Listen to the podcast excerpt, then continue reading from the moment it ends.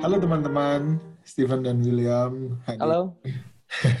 untuk belajar sama-sama di podcast Belajar Alkitab seperti biasa. Nah, eh, hari ini kita akan belajar lagi sambungan dari minggu lalu sebenarnya. Sambungan nggak sih? Sambungan ya? Sambungan dong. Sambungan.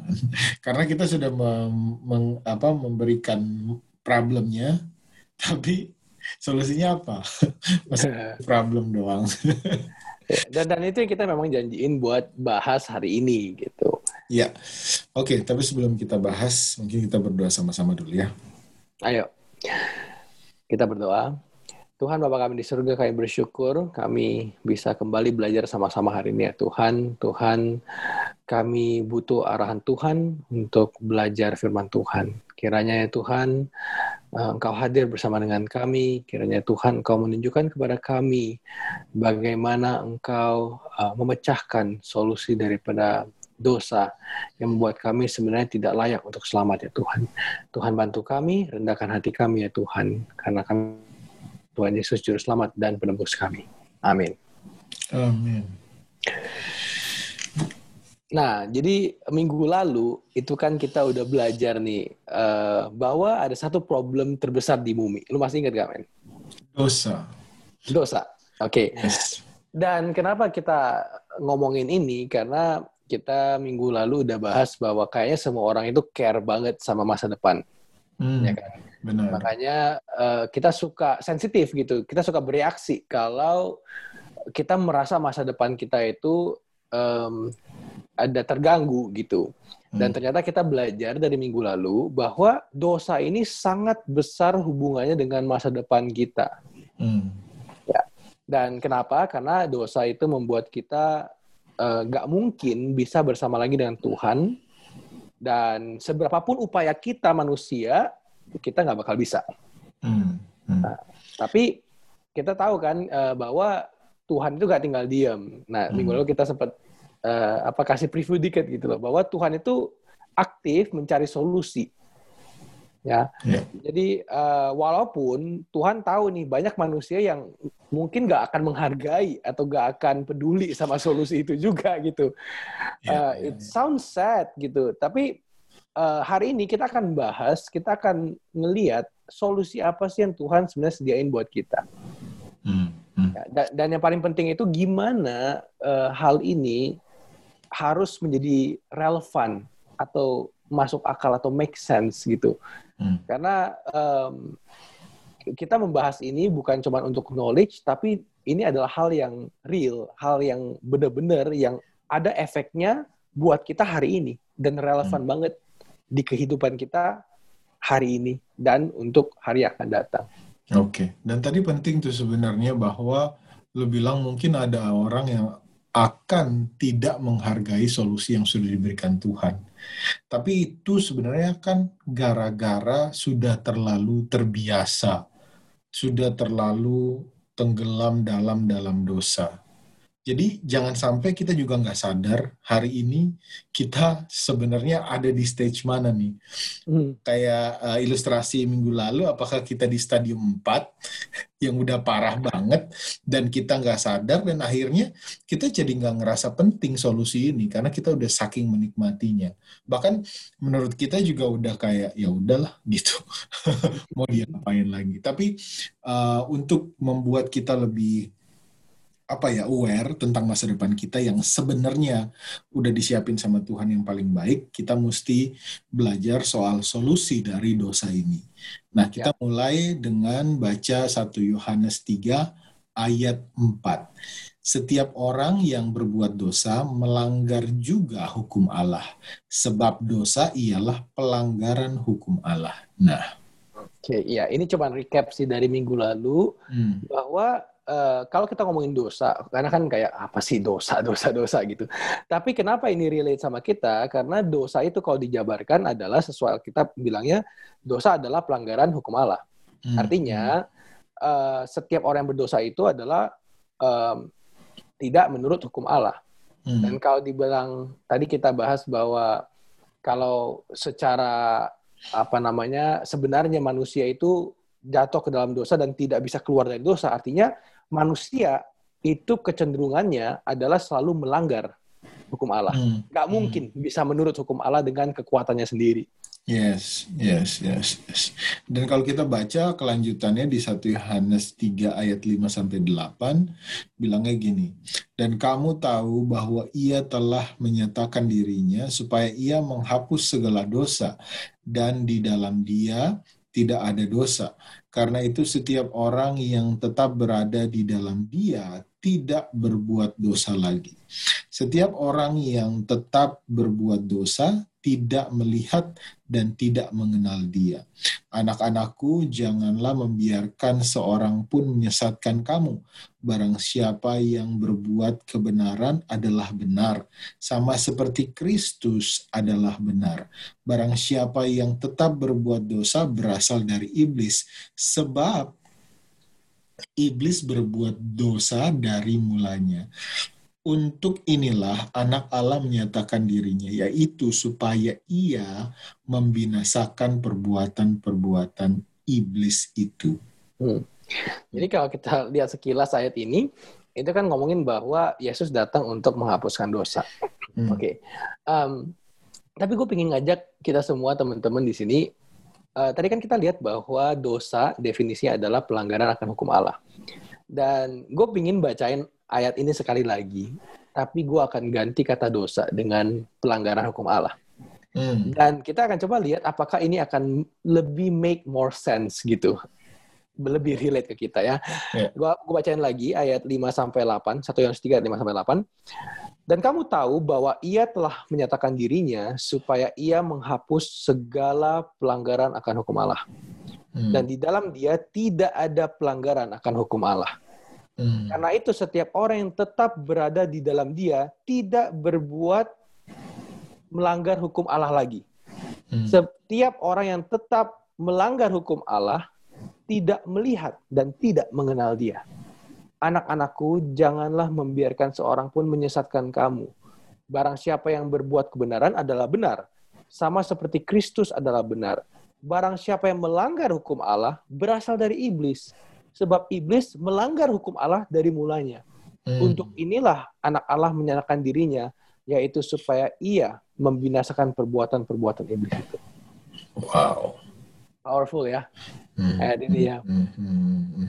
Jadi uh, di sini kita lihat lebih jelas bahwa Yesus yang juga adalah Allah, dia datang ke dunia supaya manusia tidak lagi melanggar hukum Allah. Dengan kata lain, supaya manusia bisa menurut hukum Allah hmm. sepenuhnya. Artinya uh, uh, kita agak lagi um, apa bicara bahwa ini kita tidak lagi di bawah hukum atau enggak kita udah pernah bicara itu di episode sebelumnya. Yeah. Tapi menurut hukum Allah artinya walaupun kita tidak di bawah hukum, kita di bawah kasih karunia, kehidupan kita tidak melanggar, sejalan, selaras dengan apa yang perintah Allah katakan. Yang selama ini dilanggar sama manusia. Hmm. Hmm. Dan itulah purpose kenapa Yesus datang. Itu as a whole gitu ya. Hmm, hmm, hmm, hmm. Oke, okay, tapi paling sekarang kita mau bahas tentang bagaimana Yesus bisa melakukan hal ini. Bisa menghapuskan dosa. Bisa membuat dosa itu ya kalau kita tinggal di dalam dia, percaya sama dia, kita bisa untuk tidak melakukan dosa atau tidak melanggar hukum Allah. Gimana hmm. caranya? Ya, uh, kita bisa akan lihat beberapa ayat dan kita akan mulai dengan Ibrani 2 ayat 14. Karena anak-anak itu adalah anak-anak dari darah dan daging, maka ia juga menjadi sama dengan mereka dan mendapat bagian dalam keadaan mereka, supaya oleh kematiannya ia memusnahkan dia, yaitu iblis, yang berkuasa atas maut. Hmm. Nah, jadi dari ayat ini kita lihat Yesus yang adalah Allah untuk memecahkan solusi ini dia harus menjadi sama seperti manusia. Hmm. Dia harus datang ke dunia, dia harus juga merasakan apa yang kita rasakan, mempunyai tubuh yang sama seperti yang kita ini, yang kita punya, dan menghadapi juga pencobaan yang sama semuanya itu dalam keadaan yang kita hadapi juga hari ini. Hmm. Jadi itu adalah um, the first step yang yang Yesus lakukan. datang ke dunia menjadi sama seperti manusia. Hmm. Ya. Oke, kita lanjut ke Yohanes 3 ayat 16. Karena begitu besar kasih Allah akan dunia ini sehingga ia telah mengerniakan anaknya yang tunggal supaya setiap orang yang percaya kepadanya tidak binasa melainkan beroleh hidup yang kekal. Dan dari ayat ini cuma ada satu cara uh, bagaimana manusia itu bisa terluput atau lepas dari dosa, yaitu dengan percaya kepada Yesus yang telah datang. Hmm. Oke, okay. mungkin uh, ini semuanya secara logik atau flow-nya ini oke, okay, tapi percaya Yesus kenapa harus percaya? Kita akan bahas uh, lagi kok setelah ini. Tapi uh, flow-nya kita lihat bahwa Yesus harus datang ke dunia dan gunanya dia datang supaya siapa yang percaya kepada Yesus akan selamat. Hmm. Oke. Okay? Dan uh, kita lanjutkan lagi dulu ke Yohanes 17 ayat 3. Inilah hidup yang kekal itu, yaitu bahwa mereka mengenal Engkau, satu-satunya Allah yang benar, dan mengenal Yesus Kristus yang telah Engkau utus. Oke, okay. tadi kan dibilang bahwa siapa yang percaya hidup kekal. Hmm. Sekarang dibilang siapa yang mengenal Yesus hidup kekal. Jadi hmm. artinya uh, manusia bisa selamat bukan cuman sekedar percaya. Hmm tapi percaya yang sesungguhnya adalah mengenal hmm. siapa yang dia percaya. Hmm. Jadi Yesus datang ke dunia dan kita harus kenal. Kita percaya hmm. artinya kita kenal, kenal tabiatnya, kita kenal karakternya, kita benar-benar bergaul dengan Yesus, bersahabat, hmm. mengenal siapa itu Yesus. Masuk akal sih, kayak gue nggak bisa bilang gue percaya sama lu, padahal kita nggak pernah kenal, nggak pernah ketemu nggak pernah. Atau cuma dengar namanya doang gitu? Iya atau baru salaman satu kali tapi nggak tahu kehidupan lu kayak apa lu sifatnya kayak apa karakternya kayak apa. Gue nggak bisa bilang gue percaya. Masuk akal. Nah, and ini lebih interesting lagi di 1 Yohanes 2 ayat 3 sampai 4 dan inilah tandanya bahwa kita mengenal Allah yaitu jikalau kita menuruti perintah-perintahnya. Barang siapa berkata aku mengenal dia tetapi ia tidak menuruti perintahnya, ia adalah seorang pendusta dan di dalamnya tidak ada kebenaran. Wow. Jadi Yesus datang ke dunia, uh, siapa yang percaya kepadanya hidup kekal, tapi artinya siapa yang mengenal dia dan mengenal dia di sini artinya adalah kalau menuruti perintahnya, melakukan sesuatu yang dia suka, yang Tuhan suka, hmm. bukan malah melakukan sesuatu yang sengaja menentang apa yang Yesus nggak suka, apa yang Tuhan nggak suka. Hmm. Jadi apa yang, apa yang sudah menjadi peraturan Tuhan malah nggak diturutin. Ya. Yes. Jadi artinya di sini kita lihat Yesus datang ke dunia ngajak semua orang untuk mengenal Tuhan. Artinya ngajak semua orang, ayo ini loh caranya untuk menurut perintah Allah. Itulah yang, hmm. Yesus coba lakukan. Hmm. Hmm. Dan, dan waktu uh, kita belajar ini, ini amazing banget. Ini merubah konsep kita karena selama ini yang penting percaya aja gitu loh. Tapi padahal Yesus itu konsisten dengan yang tadi kita bahas bahwa problem itu harus di solve bahwa orang melanggar hukum Allah dan Tuhan pingin solusinya memberikan solusi supaya orang menurut hukum Allah gitu kan hmm. Hmm. supaya gak jatuh ke dalam dosa supaya bisa selamat dan ternyata dari ayat-ayat yang kita udah belajar tadi, tersembunyi satu rahasia. Memang itulah yang Tuhan mau. Supaya kita hmm. mengenal. Da, artinya menuruti seluruh perintah-perintahnya. Ya, tapi sebenarnya kalau apa yang uh, kita bahas minggu lalu rada sedikit uh, bisa dibilang rada sedikit bertentangan karena pertanyaannya adalah gimana cara manusia itu bisa menuruti perintah atau hukum Allah. Sedangkan kita sebenarnya udah kehilangan kemuliaan. Dari Adam dan Hawa kan udah nggak nggak ada kemuliaan karena nggak nurut dan akhirnya jatuh ke dalam dosa. Hmm. Terus minggu lalu juga kita belajar bahwa ya manusia yang udah berdosa ini nggak bisa menurut perintah Tuhan gitu. Gimana caranya? Ya, dan di mana peranan Yesus di situ kan? Hmm. Karena hmm. Uh, apakah kenapa kok bisa percaya sama Yesus, mengenal Yesus, uh, gimana caranya itu bisa membuka jalan buat penurutan? Karena kan hmm. kita pada dasarnya manusia nggak bakal bisa menurut lagi kan? Itu yang kita belajar minggu lalu gitu kan ya. Dan artinya yang Yesus coba lakukan ini adalah sesuatu yang mustahil gitu kan? Hmm. dan bagaimana ini semua bisa masuk akal? Um, kita akan lihat di buku Roma. Dan ini bagaimana Paulus menjelaskan hal ini. Roma 5 ayat 18 Sebab itu sama seperti oleh satu pelanggaran semua orang beroleh penghukuman. Demikian pula oleh satu perbuatan kebenaran semua orang beroleh pembenaran untuk hidup. Jadi sama seperti orang sama seperti oleh ketidaktaatan satu orang semua orang telah menjadi orang berdosa. Demikian pula oleh ketaatan satu orang orang semua orang menjadi orang benar. Nah, ayat ini sebenarnya menunjukkan satu prinsip yang sangat adil bagi Tuhan.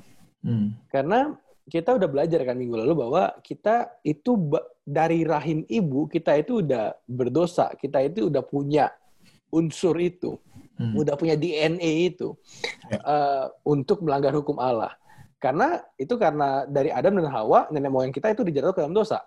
Hmm. Nah, Yesus itu nggak bisa menjadi juru selamat kalau dia lahir dari keturunan Adam secara biologis. Ya, keturunan manusia lah.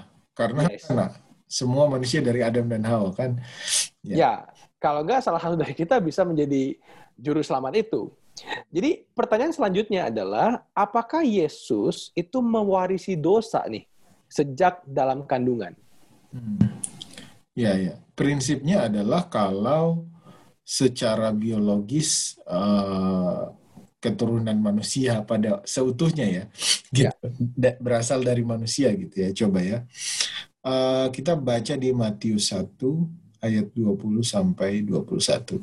Tetapi ketika ia mempertimbangkan maksud itu, malaikat Tuhan nampak kepadanya dalam mimpi dan berkata, Yusuf anak Daud, janganlah engkau takut mengambil Maria sebagai istrimu, sebab anak yang di dalam kandungannya adalah dari roh kudus.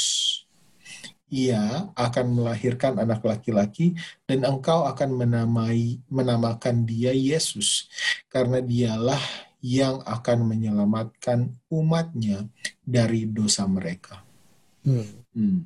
Nah, di sini kita lihat faktanya, bahkan Alkitab menekankan di pasal pertama di Perjanjian Baru di buku Matius, Hmm. bahwa Yesus lahir dari Roh Kudus. Yesus dikatakan memang dia keturunan Daud, keturunan Abraham, Hmm. tapi secara biologis Yesus itu lahir dari Roh Kudus. Hmm. Jadi nggak ada unsur dosa manusia yang diturunkan kepada Yesus. Hmm. Kalau Yesus lahir dari Yusuf, ke, eh, nah itu itu adalah manusia berdosa.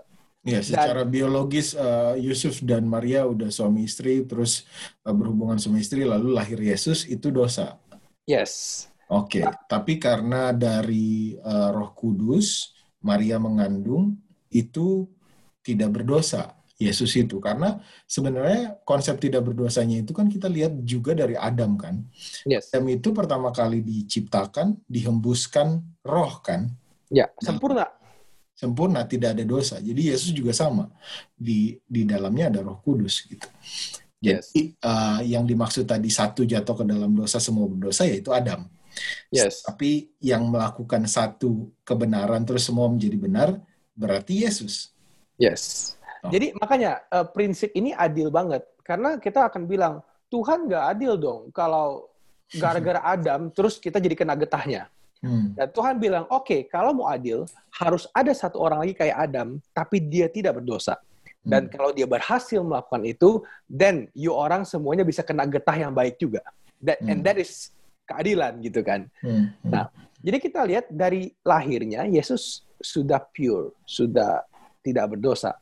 Hmm. Tapi sekarang kita mau lihat kehidupannya gimana. Apakah Ah, soal benar. Apakah selama hidupnya dia berdosa apa enggak? Karena Adam walaupun lahir tidak berdosa, jatuh dia dalam dosa. dalam dosa? Yesus se- sebenarnya overall kita pasti tahu cerita ini Yesus tidak pernah berdosa. Tapi mari kita buktikan dari Alkitab. Ya. Oke. Ibrani 4 ayat 15. Sebab imam besar yang kita punya bukanlah imam besar yang tidak dapat turut merasakan kelemahan-kelemahan kita. Sebaliknya sama dengan kita, ia telah dicobai, hanya tidak berbuat dosa. Hmm. Okay. Ya.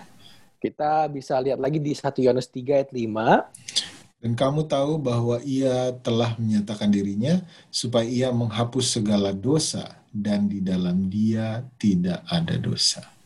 Hmm. Ya, is clear ya. Maksudnya ada juga ayat-ayat lain lagi, tapi ini sudah cukup untuk menjelaskan kepada kita bahwa tidak ada satu dosa pun yang Yesus lakukan. Hmm. Dan memang gue curious banget kalau waktu dulu kita sempat bahas juga sih Yesus waktu kecil itu bagaimana hmm. ya gitu kan hmm. karena anak kecil kan cenderung juga melakukan kesalahan tapi hmm.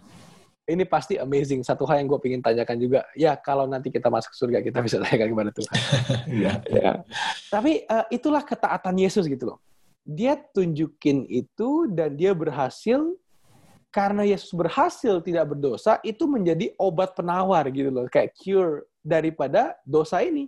Hmm.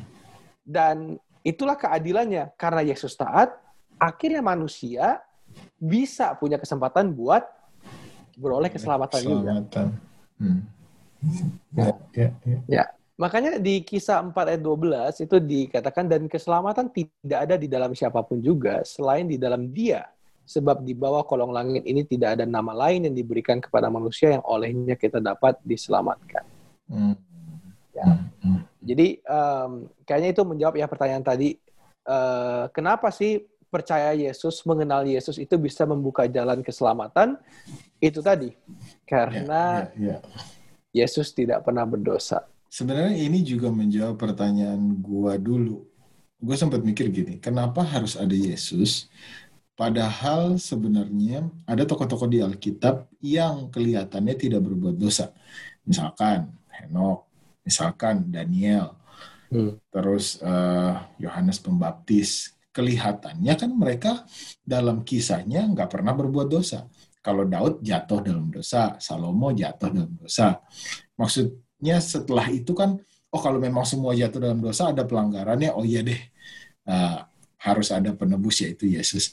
Tapi ternyata walaupun mereka tidak berbuat dosa dalam kisahnya, tubuhnya ini tubuh dosa ya karena dari manusia yang berdosa yaitu Adam gitu. Yes. Efeknya tuh sampai ke semuanya gitu. Nah, Tuhan Yesus yang menjadi pembeda. Oke, okay, oke. Okay. Ini menjawab sih karena gue ngeliat bahwa ya buat apa ya Tuhan turun gitu. Atau ada tokoh-tokoh lain yang mungkin bisa kita tiru sebagai apa namanya uh, supaya kita bisa menurut gitu atau tidak berbuat dosa. Tapi ternyata memang tubuhnya secara fisik juga berdosa gitu. Yes, dan misi Yesus adalah sebenarnya untuk um, menjawab Roma 5 ayat 18 tadi. Hmm. Karena karena kalau Yesus sempat jatuh sekali ke dalam dosa dan nggak ada cure lagi buat manusia. Hmm. Yesus satu-satunya chance supaya adil. Prinsipnya ini adil. Gara-gara Adam kita kena. Dan prinsip yang paling adil, gak ada yang bisa menentang ini lagi adalah kalau ada satu aja lagi kayak Adam, dan kita punya chance balik. Iya, maksud, maksudnya kalau dua-duanya jatuh kan masa ditambahin satu lagi buat iya. tetap nggak adil dong, kayak maksa gitu ya. Yes. Nah, pertanyaan selanjutnya, bagaimana manusia bisa menurut perintahnya, perintah Tuhan, perintah hmm. Yesus gitu.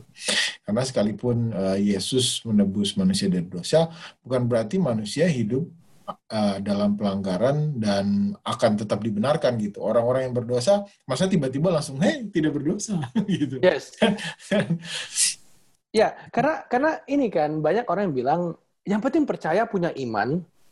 Ya udah, sekali selamat tetap selamat di bawah kasih karunia. Kalaupun melanggar tinggal minta ampun. Jadi gak apa-apa lu tetap pasti melanggar namanya manusia pasti melanggar Bahkan ada juga konsepnya kayak gini. Mungkin ada teman-teman yang yang tiba-tiba kaget atau tahu konsep seperti ini. Ada yang bilang bahwa sekali kita dibaptis, habis itu kita udah selamat. Yes. Kita nggak perlu minta ampun. Kita... Mau berdosa, mau enggak, selamat. Ya. Pokoknya, aman. Ya. Pokoknya seakan-akan semua yang kita lakukan itu benar. Jadi kayak kita mau marah, kita mau benci, kita mau uh, apa namanya ya, tidak mengampuni, itu semua nggak akan membuat kita kenapa-napa gitu. Tanpa harus memohon ampun atau apa gitu. Ada ya. konsep yang kayak gitu juga bahkan. Dan dan ini sesuatu yang aneh karena dosa adalah apa? Pelanggaran akan hukum Allah. Dan bagaimana orang percaya Yesus mengenal Yesus mengenal itu artinya mengenal dalam arti kata bukan cuma tahu, tapi kita berhubungan gitu ya. Kalau di Alkitab juga sering ngomong, jikalau kita tinggal di dalam uh, Yesus tinggal di dalam aku dan sebagainya itu ya. Dan hmm. bagaimana itu bisa terjadi pada saat kita masih suka sama dosa? Yang penting gue udah dibaptis. Itu dan, dan bagaimana juga orang yang berdosa, nature-nya itu gara-gara pengenalan akan Kristus dia bisa jadi tidak tidak melakukan pelanggaran akan hukum Allah. Jadi ini sesuatu yang yang yang logikanya kayaknya nggak nggak masuk gitu loh. Nah, ya. ya. Oke, kita belajar dari Paulus kali ya. Ya. Oke, kita baca Roma 1 ayat 1. Dari Paulus, hamba Yesus eh, Kristus Yesus yang dipanggil menjadi rasul dan dikuduskan untuk memberitakan Injil Allah. Hmm.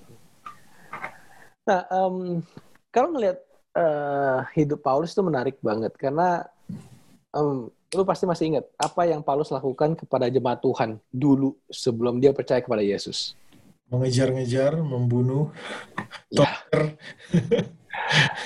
Pokoknya ya. yang mana ada perkumpulan umat Allah yang percaya Yesus diporak-porandakan sama di di ya, beraikan ya. semuanya. Ya, ya, ya. Nah, tapi waktu Paulus terima Yesus, waktu dia lagi perjalanan itu ke Damsyik itu, hmm. lalu uh, dia menerima Yesus sebagai juru selamat dia dan perubahan pun terjadi. Hmm. Dari pembunuh jadi pekabar keselamatan. Hmm. Dari penyiksa menjadi penolong. Jadi pem, dari benci Yesus jadi pembela Yesus. Dari tukang pemecah jemaat jadi pemersatu jemaat Tuhan. Hmm. Hmm. Nah, hmm. jadi kita pingin bisa lihat belajar dari dia apa yang membuat orang yang kayak gini yang melanggar hukum Allah yang berdosa bisa malah hidupnya sampai uh, eh, gue masih ingat salah satu kutipan dia di kalau nggak Roma 7 Roma 8 mengatakan bahwa malah aku melakukan sesuatu yang uh, sesuai roh, eh, perintah Tuhan dan uh, itu yang aku suka sekarang. Dia ngomong kayak ini gitu. Roma 7 ayat 22 Paulus menulis sebab di dalam batinku aku suka akan hukum Allah. Ah ini dia. Ya jadi kan lu aneh ya dari orang yang benci maksudnya gini dia orang Farisi dia anggota Sanhedrin, uh, Sanhedrin juga dia tahu hukum Allah tapi pada yang dia lakukan itu sebenarnya melanggar daripada hukum Allah gitu. Iya. Yeah. Sekarang dia malah bilang di dalam batinku aku suka akan hukum Allah. Hmm. Hmm. Hmm. Jadi pertanyaannya gimana mungkin seorang yang berdosa, yang terlahir dari dosa, bisa jadi suka hukum Allah dan melakukan hukum Allah sepenuhnya? Hmm. Mungkin jawabannya, mungkin jawabannya ada di sini. Dia nulis juga nih, Roma 1 ayat 16. Sebab aku mempunyai keyakinan yang kokoh dalam Injil, karena Injil adalah kekuatan Allah yang menyelamatkan setiap orang yang percaya. Pertama-tama orang Yahudi, tetapi juga orang Yunani. Hmm. Hmm. Jadi, Jadi dia ngerasa bahwa Injil Yes. Yang utama, kekuatannya adalah Injil, kekuatan Allah untuk uh, melakukan semuanya itu adalah Injil. Ya, dan rupanya Injil itu adalah kekuatan Allah yang menyelamatkan setiap orang percaya. Hmm. Biasanya pada saat kita udah dibaptis atau kita bilang kita percaya Tuhan, kita mengaku Tuhan itu Allah kita, kita itu mengaku kita punya iman, hmm. lalu kita akan mencoba untuk uh, menjadi umat Allah dengan kekuatan kita. Benar. Tapi Paulus bilang, sekarang aku punya Injil. Karena Injil itu adalah kekuatan Allah yang bekerja dalam aku, biar aku selamat. Nah, dan di sini uh, di Kolose 1 ayat 27, itu juga Paulus ngomong, kepada mereka Allah mau memberitahukan betapa kaya dan mulianya rahasia itu di antara bangsa-bangsa lain, yaitu Kristus ada di tengah-tengah kamu. Kristus yang adalah pengharapan akan kemuliaan. Nah, kalau bahasa Inggrisnya itu lebih jelas, dia ngomongnya which is Christ in you. Kristus hmm. di dalam kamu, the hope of glory. Jadi waktu uh, dia udah percaya, dia mengenal Kristus itu siapa, dia tahu apa yang Yesus suka, yang Allah suka, dan dia biarkan Yesus tinggal di dalam dirinya. Nah, Ini makanya juga, hmm. ya. Gimana? Uh, Paulus makanya bilang di Galatia 2 ayat di Galatia 2 ya ayat 19 sampai 20 aku telah disalibkan dengan Kristus namun aku hidup tetapi bukan aku lagi aku lagi uh, tetapi bukan lagi aku sendiri yang hidup melainkan Kristus yang hidup di dalam aku dan hidupku yang kuhidupi sekarang di dalam daging adalah hidup oleh iman dalam anak Allah yang telah mengasihi aku dan menyerahkan dirinya untuk aku. Hmm. Jadi dan um, mungkin kita akan bertanya bahwa loh um, memang agak gak make sense ya kok bisa Kristus hidup dalam kita secara logikanya begitu. Hmm. Tapi kenapa nggak kita bertanya begini? Kenapa dosa bisa hidup dalam diri kita? Kalau dosa bisa hidup, setan bisa mengatur hidup kita. Kenapa hmm. nggak kita sekarang membiarkan Yesus yang mengatur hidup kita? Hmm. It comes back to choice lagi gitu. Yeah. Kalau setan bisa mengatur hidup you dan you membiarkan setan mengatur hidup you, hmm. kita pun bisa kasih kesempatan yang sama buat Yesus hmm. untuk mengatur. Ya. Nah, uh, dan ini juga dijelaskan di Roma 8 ayat 9 sampai 10, lalu ayat 13 sampai 14 dan ayat 26. Tetapi kamu tidak hidup dalam daging, melainkan dalam roh. Jika memang roh Allah diam di dalam kamu, tetapi jika orang tidak memiliki roh Kristus, ia bukan milik Kristus. Tetapi jika Kristus ada di dalam kamu, maka tubuh memang mati karena dosa. Tetapi roh adalah kehidupan oleh karena kebenaran. Ayat 13 dan 14, sebab jika kamu hidup menurut daging, kamu akan mati. Tetapi jika oleh roh kamu mematikan perbuatan-perbuatan tubuhmu, kamu akan hidup. Semua orang yang dipimpin roh Allah adalah anak Allah. Lalu ayat 26, demikian juga roh membantu kita dalam kelemahan kita, sebab kita tidak tahu bagaimana sebenarnya harus berdoa, tetapi roh sendiri berdoa untuk kita kepada Allah dengan keluhan-keluhan yang tidak terucapkan. Hmm. Jadi um, waktu kita bilang kita udah uh, baru di dalam Yesus, kita menerima Yesus, tapi kita masih punya keinginan. Gua mau ini, gua mau makan ini, gua suka ini, gua mau melakukan ini, gua mau menuju ini, itu kata pertamanya adalah gua, I, hmm. saya. Hmm. Tapi pada saat kita di dalam Kristus, dari tadi kita baca roh, ada roh, ada roh, ada Kristus. Apa pun yang kita lakukan, Tuhan, aku mau makan ini. Tapi menurut Tuhan gimana? Hmm. Tuhan, aku mau melakukan ini. Tuhan, aku mau hang out sama temen ke sini yang biasa kita lakukan. Menurut Tuhan gimana? Hmm.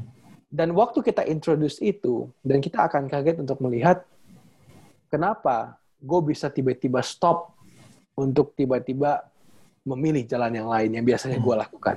Hmm. Ya. Yeah. Dan, dan gimana mungkin seorang yang berdosa dan yang udah turun temurun DNA-nya dosa ini bisa menuruti hukum Allah, yaitu cuma satu, membiarkan kekuatan Allah yang bekerja sepenuhnya di dalam diri seseorang itu. Dan kekuatan Allah adalah Injil tadi. Injil itu. Hmm. hmm. Berarti Injil ini sebenarnya adalah kabar baik buat ya. kita orang-orang yang berdosa yang susah banget keluar dari dosa dan sebenarnya kadang kita tuh udah sampai kayak capek gitu kayak oke okay, gue hari ini bilang gue nggak mau lagi melakukan apa yang udah gue lakukan kemarin-kemarin tapi besok dua tiga hari ke depan gue jatuh lagi yes. lalu gue berusaha lagi jatuh lagi sampai kadang-kadang frustasi dan ada orang juga yang sampai bisa stres gara-gara hal ini karena uh, mungkin begitu kuatnya ge, maksudnya begitu kuatnya gejolak di dalam hidupnya gitu kayak hmm. ini gue tahu benar-benar gak benar tapi kenapa gue harus harus terus lakukan? Kenapa gue bisa terus jatuh? Kenapa sih gitu? Hmm. kok lemah banget? Kok mengecewakan banget? Dan apa segala macam. Jadinya ke diri. Dan akhirnya bisa stres. Yes. Dan um, gue nggak tahu apakah teman-teman atau lu juga pernah uh, cari gitu di Google gitu ya. Cara supaya tidak jatuh ke dalam dosa, cara supaya tidak mengulangi dosa kesayangan. Well, gue pernah coba ketik itu coba aja ikutin. Wah, wow, ada seven steps gitu kan, lima cara gitu. Coba ikutin. Lu lu jatuh lagi deh. Dan gue uh, bersaksi kalau itu diikutin, gue buka bilang itu jelek. Itu juga pakai ayat Alkitab. Tapi pada saat kita mencari mencoba dengan kekuatan kita sendiri, mau apa pun tekniknya, balik lagi, jatuh lagi. Oke, sekarang kan kita udah tahu nih bahwa Injil itu adalah kabar baik karena Injil ini adalah kekuatan Allah untuk kita, untuk kita bisa bisa menjalani hidup tanpa dosa. Tapi sebenarnya uh, secara pemikiran manusia, gue ngerasa masih tetap mustahil. Apakah ada bukti di Alkitab bahwa ada manusia yang bisa tidak berdosa menggunakan kekuatan Allah dan mendapatkan hasilnya gitu. Mendapatkan uh, apa namanya kehidupan ya itu hidup kekal itu. Ya. Walaupun mereka sebelumnya berdosa gitu ya. Iya. Kira-kira oh. ada nggak? Ya uh, ada. Karena pertanyaan ini sebenarnya kalau kita pelajari lebih dalam itu adalah pertanyaan yang bahkan ditanyakan oleh keturunan Adam dan Hawa. Hmm. um, karena satu-satunya orang yang uh, dua orang ini yang cuman dua Adam dan Hawa yang pernah tinggal di Taman Eden, hmm. yang pernah tahu rasanya hidup surga itu seperti apa, hmm. dan uh, tapi mereka jatuh. Jadi hmm. mereka punya dua gambaran hidup yang sempurna, yang suci itu gimana, dan hidup dengan dosa itu gimana. Hmm. Nah, jadi uh, dan mereka semua bahkan sampai kita hari ini kita sama-sama ingin dapat kepastian akan hal ini. Dan hmm. Adam dan Hawa kan waktu itu dapat uh, janji dari Tuhan bahwa satu saat dan di kejadian 3 ayat 15 bahwa satu saat kalian akan merumuhkan kepala ular ini which is setan kalah gitu kan hmm. tapi mereka nggak dapat kesempatan untuk uh, merasakan itu kalau menurut Alkitab sih nanti gitu kan hmm. tapi mereka nggak bisa membuktikan kepada keturunannya bahwa uh, you akan receive karena mereka cuma bisa kasih harapan itu yeah. Uh, without any evidence gitu. Yeah, yeah. Nah, tapi kita bisa lihat dari keturunan Adam dan Hawa. Dan ini menarik. Coba kita lihat di Kejadian 5 ayat 24. Dan Henok hidup bergaul dengan Allah. Lalu ia tidak ada lagi sebab ia telah diangkat oleh Allah. Oke. Okay. Dan Ibrani 11 ayat 5 mengatakan, karena iman Henok terangkat supaya ia tidak mengalami kematian dan ia tidak ditemukan karena Allah telah mengangkatnya. Sebab sebelum ia terangkat, ia memperoleh kesaksian bahwa ia berkenan kepada Allah. Lalu di Yudas 1 ayat 7. Juga tentang mereka, Henok, keturunan ketujuh dari Adam, telah berbuat, katanya, sesungguhnya Tuhan datang dengan beribu-ribu orang kudusnya, hendak menghakimi semua orang dan menjatuhkan hukuman atas orang-orang fasik karena semua perbuatan fasik yang mereka lakukan dan karena semua kata-kata nista yang diucapkan orang-orang berdosa yang fasik itu terhadap Tuhan. Oke, okay. ini cerita Henok menarik banget guys, karena uh, Henok itu keturunan ketujuh dari si Adam.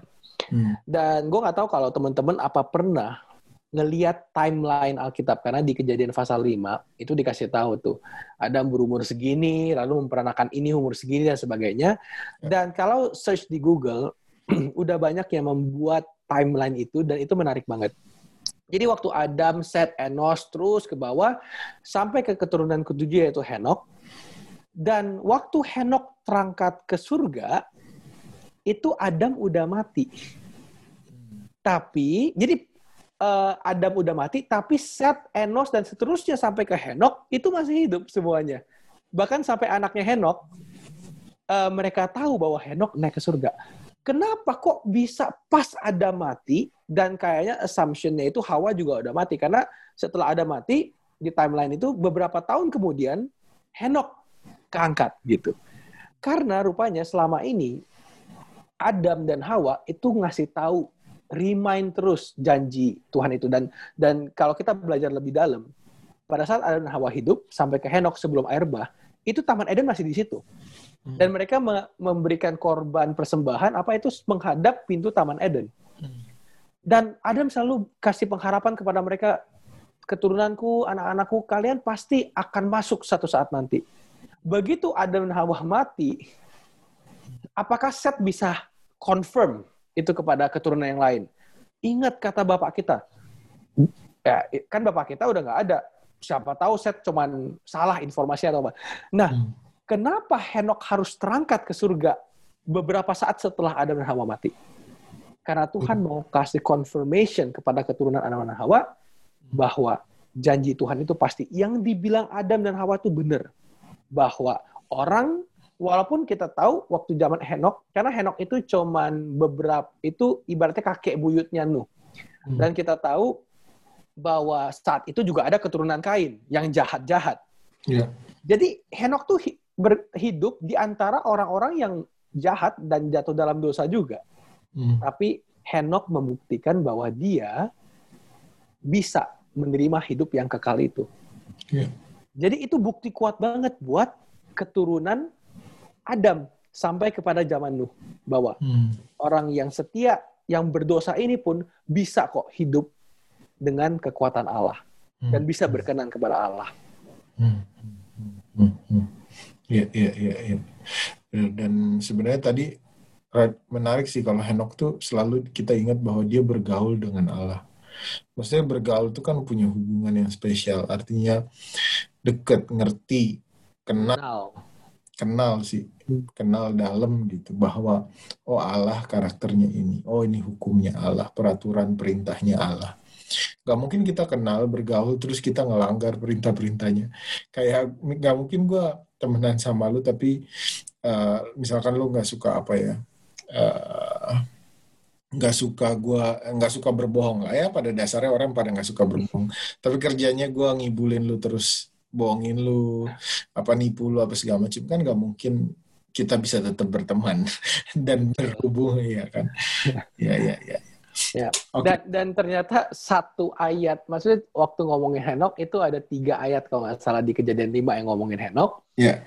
Ternyata ada purpose kenapa Tuhan harus angkat Henok gitu. Selama ini kita cuma lihat kok tiba-tiba ini satu Henok dia naik sendiri ke surga gitu out of nowhere yeah. gitu kan dalam yeah, iya. silsilah itu ternyata wow ini adalah bukti yang Tuhan kasih bahwa orang itu pengharapan kita itu pasti nggak sia hmm. nggak hmm. nggak bohong-bohongan janji Tuhan ini hmm. buktinya Henok itu bukti kepada keturunan Adam hmm. nah tapi bagaimana di zaman yang lain kita pengen lihat contohnya di zaman bangsa Israel hmm. Hmm. Hmm di zaman bangsa Israel ini kan uh, Tuhan juga sebenarnya membuktikan kepada mereka. Mereka melihat waktu itu tanah kanaan duniawi. Hmm. Nah, uh, tapi ada satu bukti bahwa umat yang berdosa itu telah mati dan akan dibangkitkan masuk ke tanah kanaan yang sorgawi. Buktinya itu siapa? Ada nggak? yang, ada. Yang akan masuk ke tanah kanaan surgawi. Ya, uh, kita lihat di ulangan 34 ayat 6. Dan dikuburkannya lah dia di suatu lembah di tanah Moab, di tengah Bet Peor, dan tidak ada orang yang tahu kuburnya sampai hari ini. Oke, okay, uh, eh, ulangan 34 ini ngomongin tentang kematian Musa. Kalau hmm. bahasa Indonesia kurang jelas, dibilang dikuburkannya lah dia. Hmm. Tapi kalau bahasa Inggris King James itu jelas mengatakan he buried him. Hah? Musa hmm. menguburkan dirinya sendiri gitu? Bukan. Hmm. He adalah Tuhan, buried him. Him adalah Musa. Hmm. Tuhan menguburkan Musa. Oke, okay, kita uh, kulik lebih dalam Yuda 1 ayat 9. Tetapi penghulu malaikat Mikael ketika dalam satu perselisihan bertengkar dengan iblis mengenai mayat Musa, tidak berani menghakimi iblis itu dengan kata-kata hujatan, tetapi berkata kiranya Tuhan menghadapi engkau. Hmm. Wow, berarti pada saat Musa mati, uh, Yesus itu sedang uh, Yesus menguburkan Musa dan memperubutkan tubuh Musa. Mikael itu Yesus ya, hmm. yang telah mati untuk diangkat ke surga. Jadi uh, di sini kita lihat bahwa ada indikasi bahwa Musa setelah dia mati, dia pun diangkat ke surga. Hmm. Tapi ini yang mengkonfirmasi Matius 17 ayat 2 sampai 3. Lalu Yesus berubah rupa di depan mata mereka. Wajahnya bercahaya seperti matahari dan pakaiannya menjadi putih bersinar seperti terang. Maka nampak kepada mereka Musa dan Elia sedang berbicara dengan dia. Hmm. Waktu itu Yesus lagi berdoa, di situ ada beberapa muridnya Petrus, Yohanes, lalu tiba-tiba mereka lihat ada Musa dan Elia lagi bicara hmm. sama Yesus. So Musa waktu dia mati dia nggak bisa masuk ke tanah Kanaan duniawi, tapi hmm. dia masuk ke tanah Kanaan surgawi. Yeah, yeah. Dan Musa ini menjadi satu bukti, menjadi satu representatif bahwa orang yang mati di dalam Tuhan, mati sekalipun dia hidupnya pernah berdosa, Musa juga pernah berdosa, Hmm. Tapi kalau hidupnya berkenan kepada Tuhan dan dia bertobat dan dia menuruti hukum Tuhan, selaras dengan Tuhan, dia pun bisa masuk ke dalam kerajaan Allah. Dia mati dan dia dibangkitkan. Dan Elia juga kan diangkat kan ke surga. Yes, Elia juga diangkat. Kita bisa lihat di dua Raja-Raja 2 ayat 11. Oke, dua raja-raja dua ayat sebelas sedang mereka berjalan terus sambil berkata-kata, tiba-tiba datanglah kereta berapi dengan kuda berapi memisahkan keduanya. Lalu laiknya Elia ke sorga dalam angin badai. Ya, jadi oke itu kan si Elisa lagi ngobrol sama Elia. Oke Elisa kamu mau apa kata Elia? Saya minta hmm. dua kali kekuatan roh Tuhan yang ada padamu kepadaku. Wah hmm. itu sulit katanya Elia. Tapi ya uh, kiranya itu terjadi kepadamu lah kalau Tuhan berkenan gitu. Hmm. Dan seketika abis itu dia terangkat ke surga dengan uh, kereta kuda api. Hmm. Tapi kalau Musa tadi menggambarkan orang yang mati dalam Tuhan, tapi akan dibangkitkan, Elia ini menggambarkan umat Allah yang akan diangkat ke surga tanpa harus mengalami kematian. Kematian. Hmm. Dan ini masih konsisten sama tadi yang kita belajar bahwa bagaimana mungkin orang yang berdosa bisa uh, hidupnya itu setelah menerima Yesus, setelah kenal sama Tuhan jadi gak berdosa lagi. Hmm. Ini buktinya. Musa buktinya, Henok buktinya, Elia juga buktinya. Ya, ya. ya. Lalu di zaman Yesus. Oke, di zaman Yesus. Matius 27 ayat 53. Dan kuburan-kuburan terbuka dan banyak orang kudus yang telah meninggal bangkit. Dan sesudah kebangkitan Yesus, mereka pun keluar dari kubur lalu mereka lalu masuk ke kota kudus dan menampakkan dirinya kepada banyak orang. Oke. Nah, ini kejadiannya adalah pada saat Yesus uh, bangkit di hari yang ketiga, di saat hmm. yang sama ada orang-orang kudus yang telah mati. Hmm. Gak disebutkan siapa, bisa jadi itu mungkin Nabi Yesaya, bisa jadi mungkin orang-orang di zaman masa Israel, kita nggak tahu karena hmm. nggak. Tapi mereka itu orang yang kudus, orang yang uh, selama hidupnya uh, tetap mungkin berbuat dosa, tapi mereka bertobat dan hidup di dalam hukum Allah, hidup di dalam uh, selaras dengan perintah Tuhan gitu, berkenan sama Tuhan. Bisa aja Yohanes ya. Bisa jadi Yohanes kita nggak tahu. Yeah, Pokoknya iya. orang-orang yang udah sempat mati gitu. Okay. Nah, ini selaras sama Yesaya 26 ayat 19 yang bilang, "Ya Tuhan, orang-orangmu yang mati akan hidup pula." mayat-mayat mereka akan bangkit pula. Hai orang-orang yang sudah dikubur di dalam tanah, bangkitlah dan bersorak-sorai. Nah, yang menarik di sini, um, di sini tadi kita lihat orang-orang kudus itu waktu bangkit dia nggak langsung naik ke surga, hmm. tapi dia menampakkan diri kepada banyak orang. Hmm. Nah, Yerusalem itu kan disebut sebagai kota kudus. Hmm. Memang ayat ini ada juga yang menafsirkan bahwa mereka itu langsung ke kota kudus yang di surga gitu. Ya, hmm. Ya, mereka langsung, tapi it just doesn't make sense gitu karena uh, di sini dikatakan dia menampakkan diri kepada banyak orang which is hmm. menampakkan diri kepada banyak orang di kota Yerusalem hmm. sebelum mereka akan naik ke surga. Hmm. Ngapain mereka harus menampakkan diri? Karena mereka harus menyaksikan bahwa Yesus itu bangkit. Kebangkitan Yesus bukanlah event yang biasa. Itu event yang luar biasa. Itu adalah event pelepasan kemenangan kita, kemenangan Yesus atas dosa, membuka jalan buat kita keselamatan. Jadi harus di-celebrate gitu. Ya. Nah, dan mereka ini menggambarkan apa sih? Mereka ini menggambarkan orang-orang kudus yang akan dibangkitkan dan akan diberikan tubuh yang tidak dapat binasa pada saat Yesus datang kedua kali. Hmm. Hmm. Dan itu memberikan apa ya comfort kepada banyak orang, kepada banyak pengikut Yesus yang mungkin udah hilang harapan. Kita pikir Yesus ini adalah karena nggak semua orang bagian dari 12 murid Yesus yang melihat Yesus waktu dia bangkit. Hmm. Tapi orang-orang ini randomly ke kota dan menampakkan diri kepada orang-orang yang pengikut mungkin pengikut-pengikut Yesus atau yang pernah dengar tentang Yesus yang Ya. berharap banyak sama Yesus. Hmm.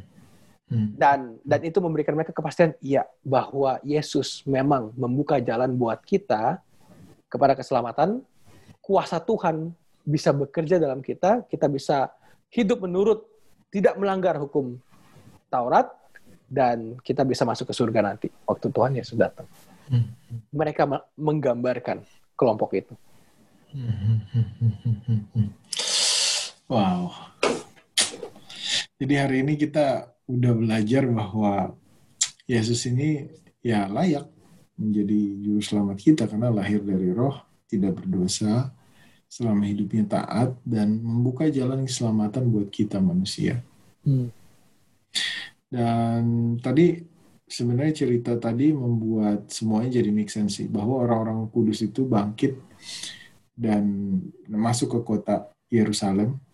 Dan mereka bisa bersaksi karena orang yang ngelihat mereka sebenarnya udah mati jadi kaget loh kok ada lu? gitu.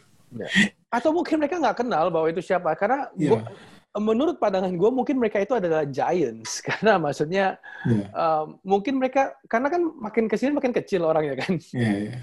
Jadi they might be surprised lu siapa? Oh gue yang bangkit bersama dengan Yesus gitu. yes. Maksudnya itu menjadi kesaksian yang luar biasa karena uh, Tuhan Yesus kan juga sebenarnya menampakkan diri tapi kalau di, di Alkitab sih khususnya kepada murid-muridnya kan. Yes. tapi kepada banyak orang lain yang ada di Yerusalem ya orang-orang kudus inilah yang menjadi saksi gitu. Bahwa mereka juga bangkit karena mereka hidupnya sesuai sama apa yang Tuhan Allah perintahkan sama apa yang eh, yang sesuai dengan hukum Tuhan gitu Ya. bahkan mereka mungkin hidupnya nggak di zaman Yesus iya kan tapi mereka bisa dibangkitkan karena penurutan akan hukum Tuhan Yes. Dan jadi em, itu menandakan bahwa orang yang berdosa sekalipun, kalau kuasa Tuhan udah bekerja dalam dirinya, maka dia bisa hidup tanpa melanggar hukum Taurat. Hmm. Oh, yes, kita tidak eh, diselamatkan karena karena penurutan, ya, kata Roma.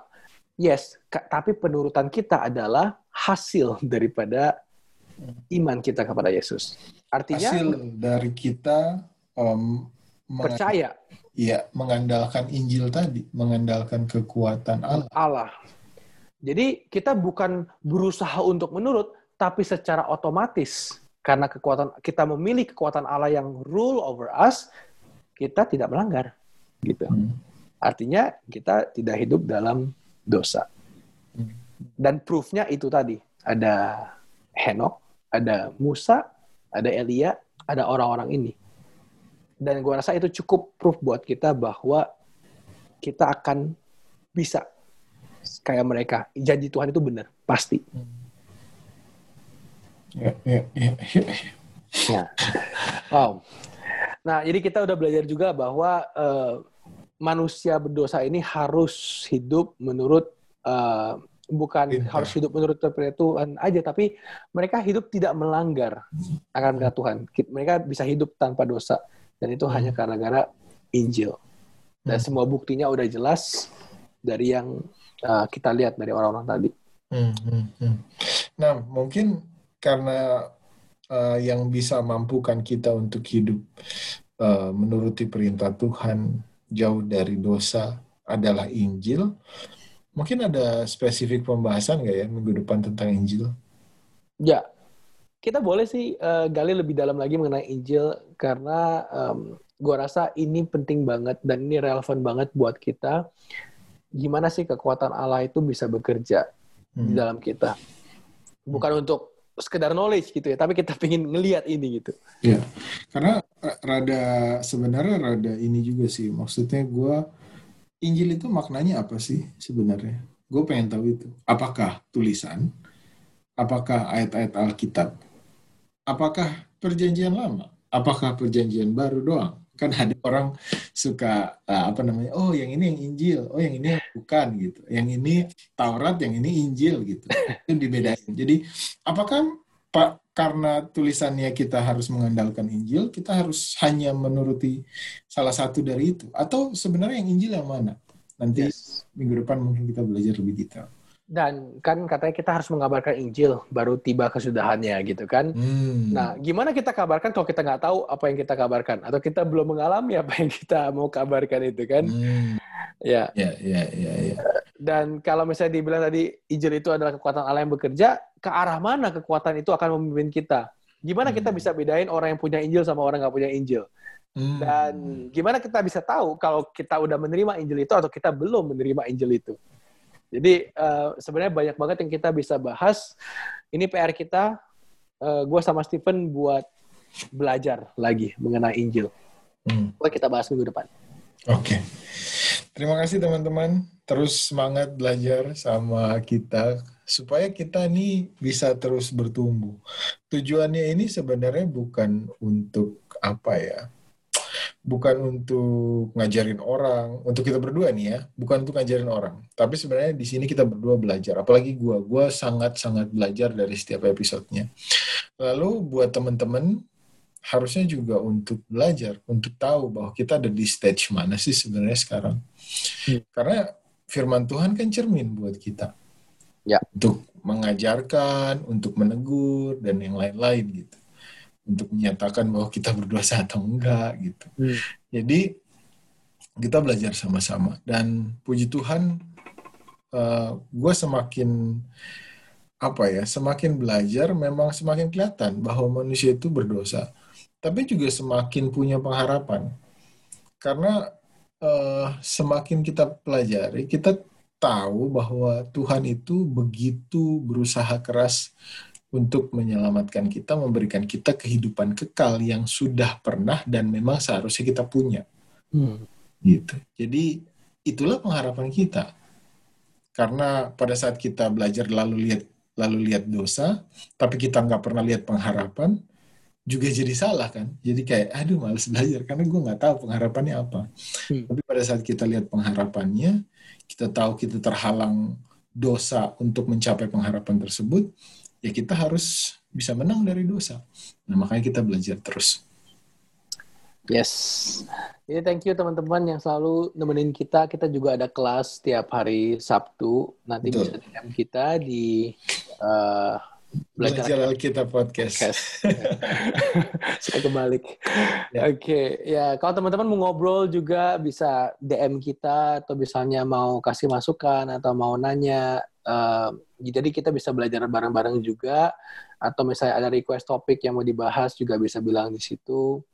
Eh, intinya kita mau sama-sama bertumbuh karena dengan teman-teman merespon juga ada teman-teman ikut kelas juga itu bikin kita makin apa ya makin semangat buat belajar. Kita Hmm. bikin podcast ini karena kita juga sama kesulitan juga untuk belajar dan kalau misalnya kita bisa belajar sama-sama, jadi kita bisa lebih rajin gitu, lebih termotivasi buat belajar lagi dan belajar lagi. Ya, dan puji Tuhannya kita uh, punya teman-teman dari berbagai tempat, dari bahkan belahan dunia yang lain. Jadi puji Tuhan, terima kasih bersama-sama kita bertumbuh. Hari ini gue juga happy karena tadi ada satu akun di Anchor yang memfavoritkan uh, podcast belajar Alkitab namanya Meilani Hutapea. Difavoritin artinya udah didengar, artinya belajar bersama. Jadi puji Tuhan. Puji Tuhan. Oke, baiklah teman-teman. Terima kasih banyak. Minggu depan kita akan belajar soal Injil lebih dalam lagi supaya kita lebih mengerti, lebih tahu, dan uh, semoga kita bisa sama-sama menggapai pengharapan kita hidup bersama Tuhan, hidup kekal bersama keluarga kita, orang-orang yang kita sayang. Amin. Kita satu dalam doa ya. Bapak yang dalam surga, terima kasih Tuhan atas firman-Mu. Terima kasih firman, firman-Mu berbicara atas kami. Tuhan, kami penuh dengan dosa, tapi Engkau datang dan menyelamatkan kami. Tuhan menebus kami. Bapak kami mau hidup di dalam Engkau. Kami mau punya kekuatan dari Allah, yaitu Injil Tuhan. Bapak terus ajar kami, bantu kami, kuatkan kami. Biarlah Engkau juga memberkati bukan hanya kami, tapi juga keluarga kami masing-masing, orang-orang terkasih kami. Biar hidup kami Tuhan memancarkan kesaksian atas Engkau dan banyak orang yang bisa terinspirasi menjadi percaya kepadamu sebagai Tuhan dan Juru Selamat pribadi kami. Bapa ampunilah dosa dan kesalahan kami Tuhan, kami mohon kuatan daripadamu. Terima kasih Bapa, nyedam namamu Tuhan Yesus Kristus, kami alaskan ini. Haleluya, amin. Amin.